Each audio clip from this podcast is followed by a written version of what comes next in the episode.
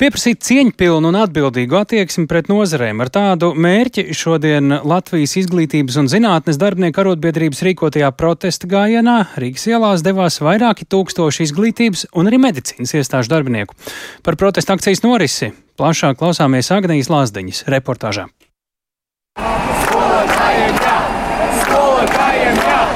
Skolotājiem jā! Ar atstarojošām zilas krāsas vestēm, uz kurām lasāms uzraksts pa vienam mēs lūdzam, kopā panākam, plakātiem, uz kuriem ir saukļi kā pildiet likumus un solījumus, un nav skolu, nav problēmu, un arī karogiem rokās vairāki tūkstoši izglītības un zinātnes nozares darbinieku šodien devās pedagoģa arotbiedrības rīkotajā protesta gājienā. Viņiem pievienojās arī veselības aprūpas nozares darbinieki, kas arī vēlas tikt sadzirdēti. Kā uzsver gājiena dalībnieki, nozares pieprasa cieņpilnu attieksmi. Tas, ka mēs esam daudz un ka mēs tomēr beidzot stāvam par savām tiesībām un arī par to, kas mums pietrūks. Te ir tiešām cieņpilna attieksme vajadzīga. No vienas puses jautras, no otras puses bēdīgas. Skatoties, par ko mēs domājam, par šīs dienas, ka mēs sapulcējamies daudz, tas ir jautri, tas ir patīkami. Bet no otras puses, to, ka bērni neiet uz skolu un valdībai domāt par, par skolotāju problēmām, nu, tas ir tāds vairāk sarežģīts noskaņojums. Es pat neesmu skolotāja, bet es atbalstu skolotājus. Jo pret skolotājiem tā cieņa ir. Nezinu, kur viņa ir pagaisusi. Bet, manuprāt, skolotāji ir pelnījuši gan cieņpilnu attieksmi, cieņpilnu atalgojumu. Man liekas, ka skolotāji taču veido Latvijas nākotni. Viņi ieliek bērnos pašu svarīgāko. Cienīgu attieksmi! Cienīgu attieksmi! Protesta gājiens sākās Rīgā pie arotbiedrību nama bruņinieku ielā. Tad dalībnieki lēnā gaitā devās cauri Rīgas ielām, gar saimas ēku, līdz nonāca Doma laukumā. Sveicināti visi izglītības, zinātnes un veselības nozares darbinieki! Gājiena noslēgumā Doma laukumā sekoja sapulce ar iesaistīto personu uzrunām. Pirms pedagoģa arotbiedrības vadītājas Ingas Vanagas uzrunas laukumā palaisti ziepju burbuļi, kas simbolizēja politiķu solījumus. Mēs šodien šeit esam pulcējušies, lai panāktu amatpersonu reālu, patiesu atbildību un cieņpilnu attieksmi pret visām šīm trīs nozarēm. Un aicinām arī citas nozares sekot, nesamierināties ar to, ka kāds var ignorēt kādu tiesību aktu, kādu doto solījumu, vai arī publiski izteikt viedokli un iedot kārtējo pļauku. Un tāpēc mēs esam šeit šodien vairāk kā 8000 pilns doma laukums. Protesta dalībniekus uzrunāja arī ministru prezidents Krišjānis Kariņš no jaunās vienotības, ko pavadīja klātesošie vilcieni un izsaucieni. Premjers pateicās pedagogiem, ar kuriem aprunājās gājiena laikā. Tāpat atzina kavēšanos ar pedagoģu algu paaugstināšanas grafika izstrādi un apstiprināšanu. Īsi pirms vēlēšanām, vēl iepriekšējās valdības laikā, bija apņemšanās un solījums izstrādāt nākamo pedagoģu algu pieauguma grafiku. Tas darbs kavējās.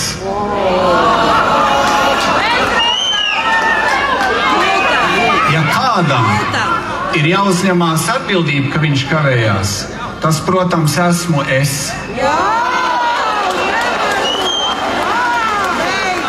Krišjānis Kariņš gan uzsvēra, ka valdības dotais solījums par pedagoģu algu celšanu tiks pildīts pēc gājiena pedagoģu arotbiedrībai plānota saruna valdībā.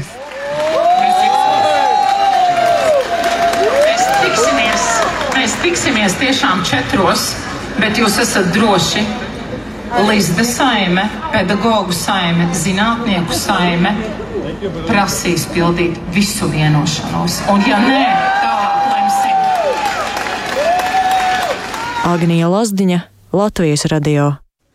Jā, tepat aiz Latvijas radio loga, gatavojot raidījumu arī mēs patvērtiem logiem un pilnā skaļumā dzirdējām visas protesta akcijas uzrunas un visai vētraino, kā arī tikko klausījāmies dalībnieku reakciju. Bet vai un kādas būs reālās sekas streikam? Un šīs dienas gājienam un mītiņam mēs premjeru uzrunā arī dzirdējām uzaicinājumu pulksteņu četros tikties uz sarunām. Sarunām ministru kabinetā pirms, pirms brīža jau būtu jābūt sāktām, un tajās aicināt piedalīties Latvijas izglītības un zinātnes darbinieku arotbiedrības pārstāvji un izglītības un zinātnes ministre Anda Čakša paredzēts runāt par to, kas tad tālāk darāms, lai pilnveidotu izglītības sistēmu uz kādu sarunu iznākumu cer visi iesaistītie interesējās Zanēniņas. Sveiki, Zane! Labdien! Jā, nu pat jau dzirdējām, ka Doma laukumā uzrunājot protesta gājiena dalībnieks, ministra prezidents Krišjāns Kariņš pauda, ka pie tā, ka streika prasības izpildītas ar novēlošanos, esot vainīgs tikai viņš, taču esot jāturpina sarunāties, lai visu, kas nav atrisināts, atrisinātu. Uzdevu viņam jautājumu, kam jānotiek, lai streiks nepagarinātos, un lūk, kā Krišjāns Kariņš atbildēja. Man eh, līdz galam nav skaidrs, jo līdz šim izglītības ministrija apgalvo, ka tas, ko mēs esam pieņēmuši, ir pilnībā saskaņā ar to, kas bija sākotnēji runāts. Man liekas, šajā procesā ir arī varbūt viens otrs pārpratums bijis, bet es augšu pie galda. Tātad gan arotbiedrības pārstāvs, gan izglītības ministrija, lai tad līdz galam izrunā. Jāatgādina, ka pedagoģa arotbiedrība, kas organizē protesta gājienu un trīs dienu streiku, dara to tāpēc, ka uzskata, ka streika prasības nav pilnīgi izpildītas.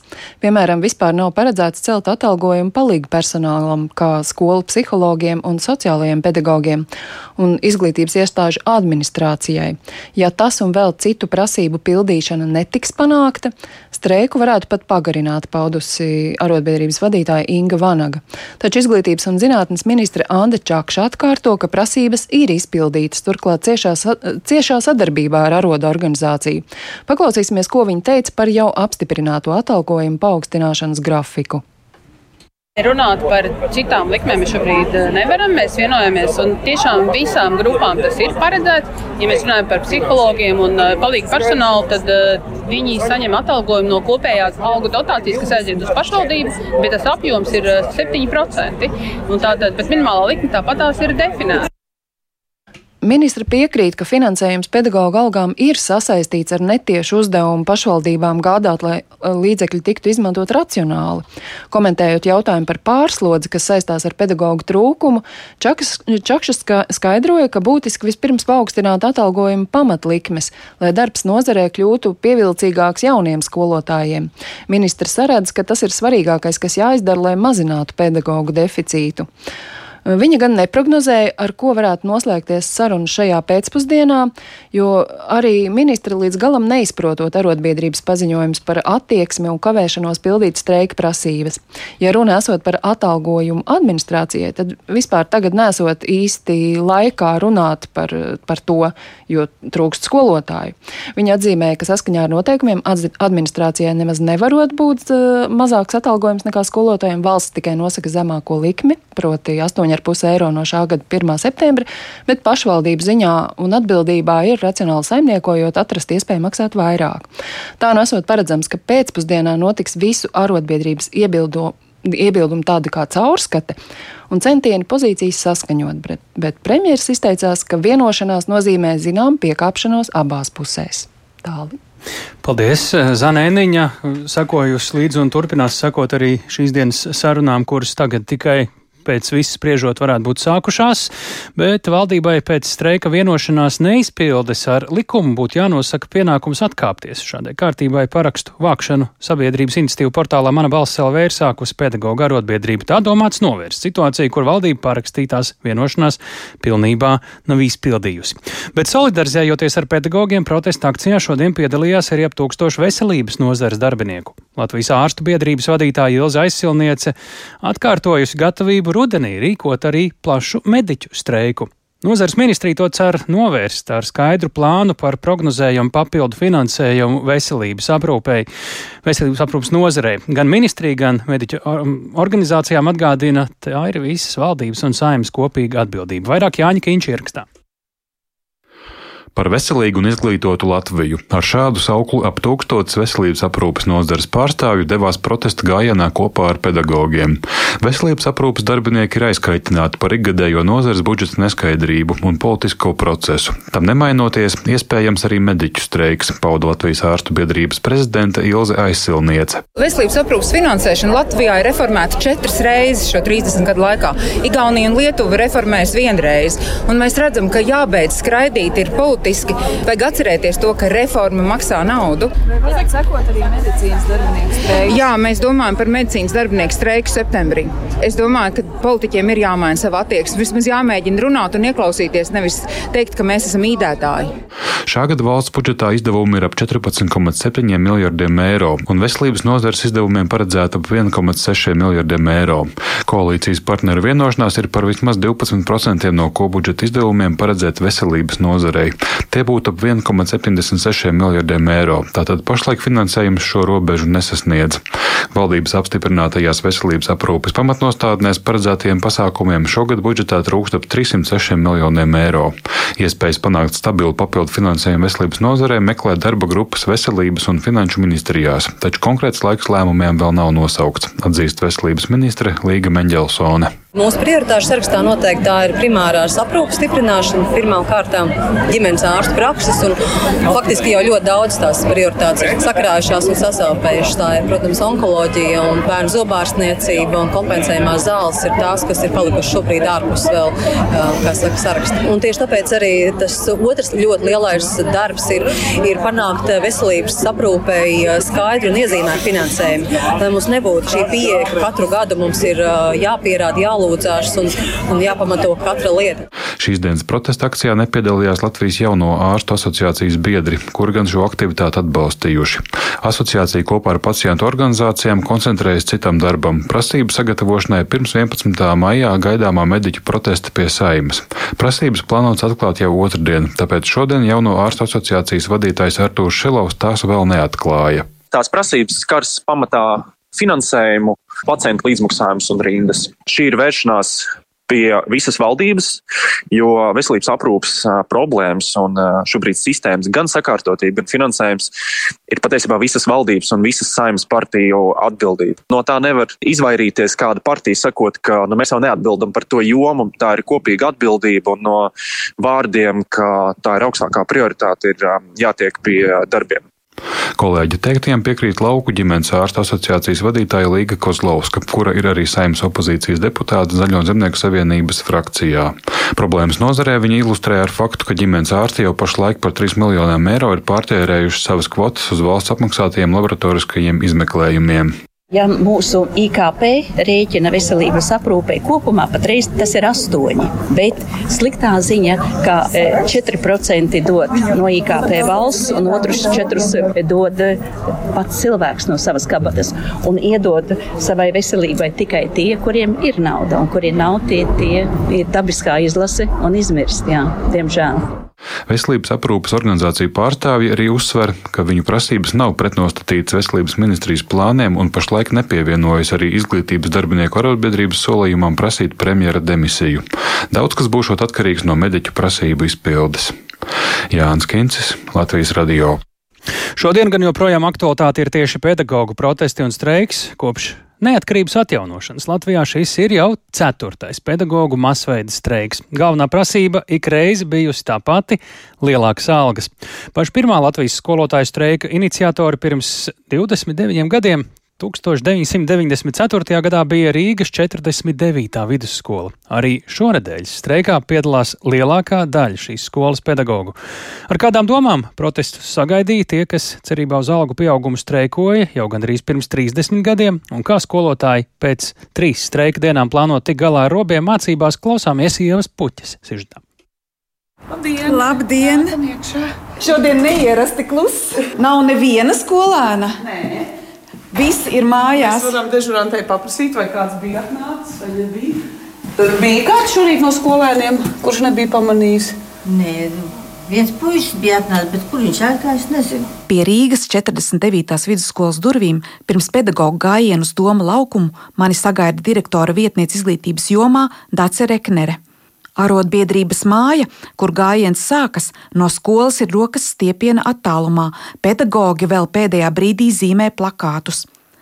Par solījumu pildīšanu, reformām resursus, cieņpilnu attieksmi.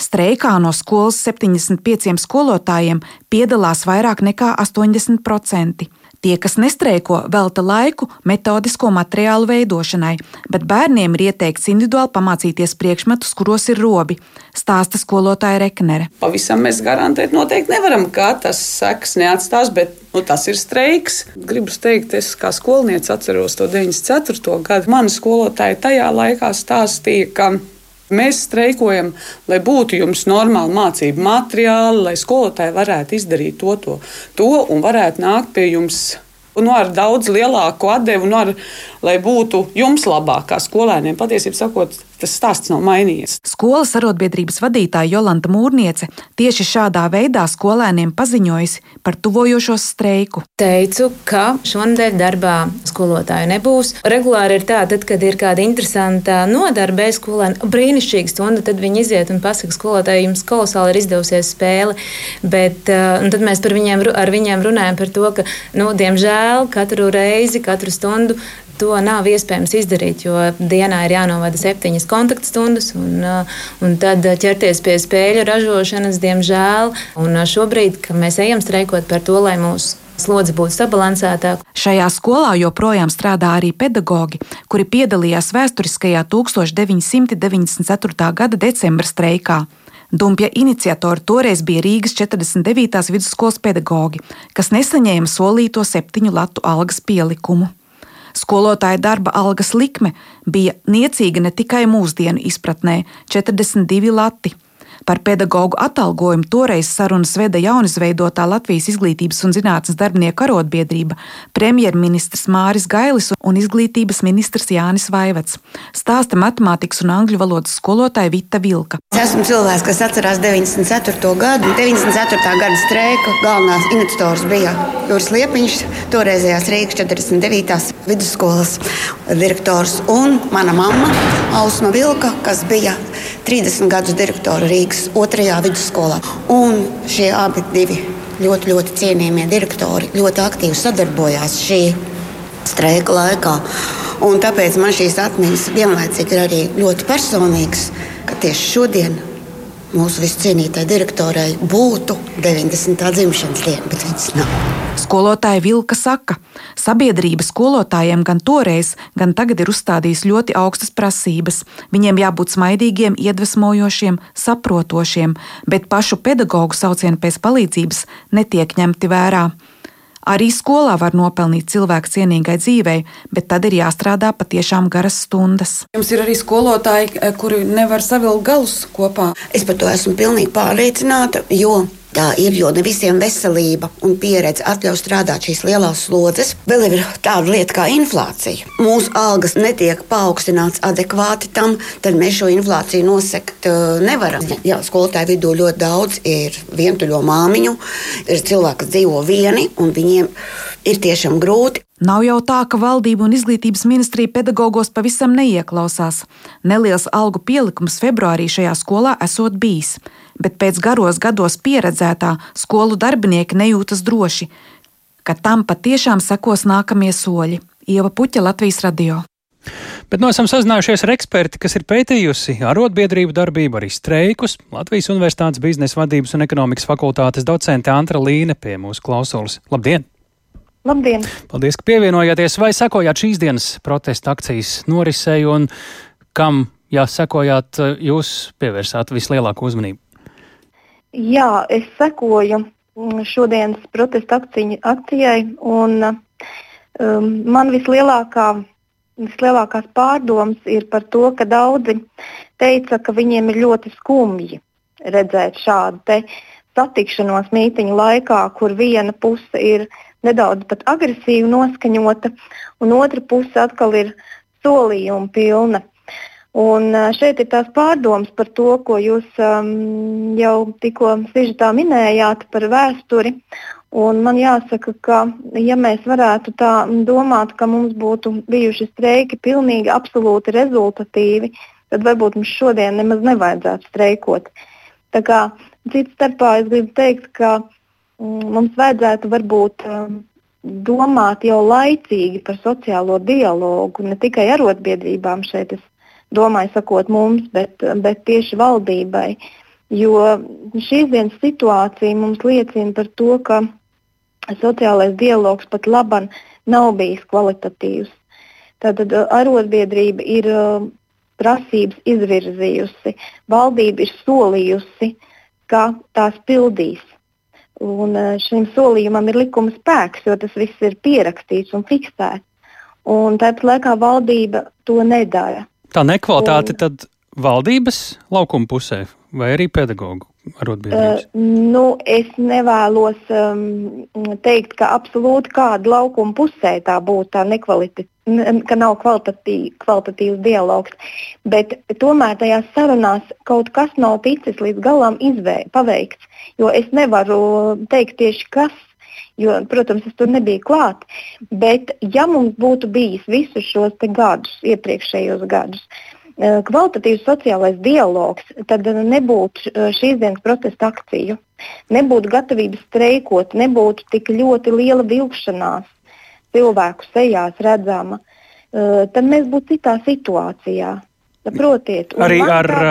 pedagoģu situāciju attiecībā uz viņu prasībām un to izpildīšanu varbūt pat nebūtu iemesla? Varbūt jā, varbūt nebūtu iemesla, jā, varbūt nebūtu iemesla. Uh, Um, nu, to ir tā grūti pateikt, bet katrā gadījumā Šobrīd situācija ir ļoti nepatīkama. Jā, ko mums rāda Latvijas streiku un tādu protestu akciju vēsture, cik tie tad ir bijuši rezultatīvi un efektīvi? Nu, tā kā jūs jau nedaudz ar pusvārdu ieminējāties, ja reiz tagad atkal jāprotestē, tad varbūt nav bijuši pietiekami efektīvi. Es domāju, ka mm, nu, daļēji var teikt, ka kaut kāda rezultāta jau bija. Ja? Jo kāda, nu, kāda darba samaksas daļa jau tika palielināta pēc katra streika. Un tāpat laikā mēs redzam, ka uh, nu, ir bijis arī tā, ka ministri ir atkāpušies, bet tas nekad nav bijis uh, tāds streiku mērķis. Streikam ir citi mērķi. Streiki Latvijā parasti ir tieši par darba samaksu. Nevis par darba apstākļiem vai par kādiem citiem jautājumiem, bet tieši par darba samaksas jautājumiem. Uh, Un, um, nu, domāju, ka šeit vēl mm, tas nav, nav pēdējā reize, kad mēs uh, uh, streikojam. Ja? Jo pedagogi jau mm, to ir darījuši. Cik liels draudz valdība ir šāds streiks un protesti? Cik ietekmīgs līdzeklis tas ir? Uh, kas ir tas, kāpēc politiķiem un amatpersonām tas var būt reāli neērts un darboties liekošs, vai arī to var drusciņi tā kā pīle uz ūdeni paskatīties. Vai tur ir lietas, kuras, ja notiek šis streiks, ir pat ļoti neērts valdībai, nu kaut vai reitingu ziņā? Nu, reitingu ziņā noteikti. Reitingi ļoti tiek ietekmēti, domāju, no šādas um, akcijas. Kas vēl? Un, uh, tā tad, nu, otrs ir tas, ka vēl var domāt par to, kā tad uz uh, to nozaru kopumā ietekmē šis streiks. Un tad vēl um, nu, ir tā, ka Mm, reitings šajā brīdī, ja, bet kā, kāda būs tā politiskā spēka nākotne pēc kāda laika. Ja, tas reitings nokritās vienā brīdī, viņš var arī pēc tam paaugstināties, bet uh, te var būt arī teiksim, nopietna signāls, tautas neapmierinātība pieaug tieši pret, pret šo politisko spēku. Nu, tas, es domāju, tas uh, visnepatīkamākais. Te ir arī svarīgi, cik uh, nopietna tā loma ir streikiem tādā ziņā, ka ir dažādas tradīcijas. Mēs paskatāmies uz Franciju, tur cilvēki ļoti aktīvi iet ielās, Vācijā arī, ja ne varbūt ar ielās iešanu, tad uh, ar streikošanu gan mēs ik pa laikam kādus avio sarežģījumus vai līdzīgus pieredzam, kas pat mūs ietekmē. Par ko liecina uh, tāda spēja savākties uz streikiem un protesta akcijām? Uh, nu, mums tas nav ļoti bieži. Pedagogi šajā ziņā ir bijuši varbūt tādi pirmrindnieki pat salīdzinot ar citiem vēl. Mm, jā, tas, ziniet, es domāju, ka tas ir arotbiedrība, tāds arotbiedrības spēks. Tas ir tas, cik arotbiedrība ir uh, spēcīga, cik ir daudz biedru, uh, cik ir arī uh, teiksim, finansiālā neatkarība vai arotbiedrībā ir streika fonds cik tas ir uh, liels. Un tad arī vai kāds ir atbalstītāju, uh, arotbiedrības atbalstītāju skaits, ja? tieši sabiedrības attieksme. Un citās valstīs, ir, piemēram, Francijā, arī ļoti populāri tas, ka iziet kāda nozare, piemēram, jā, protesta akcijās, un iziet atbalstītāji. Tad kāda sabiedrības daļa aktīvi iesaistās. Šodien mēs redzējām, ka mediķi ir pievienojušies. Ja? Bet mēs neredzējām to, ka kāda sabiedrības daļa, piemēram, vecāki, ja? bērnu vecāki arī pievienotos. Mēs šodien redzējām, ka jā, studenti atbalsta augstskolu pedagogus, kas arī nu, Latvijas situācijā jau ir labi, jo šīs tieši sabiedrības atbalsta pietrūkst Latvijā. Sakām lielu paldies par ekspertīzi Latvijas Universitātes biznesa vadības un ekonomikas fakultātes docentei Antrai Līnei. Šobrīd visticamāk valdības mājā turpinās vai vajadzētu notikt sarunām starp valdību un pedagoģu arotbiedrību, ņemot vērā šīs dienas protesta akciju.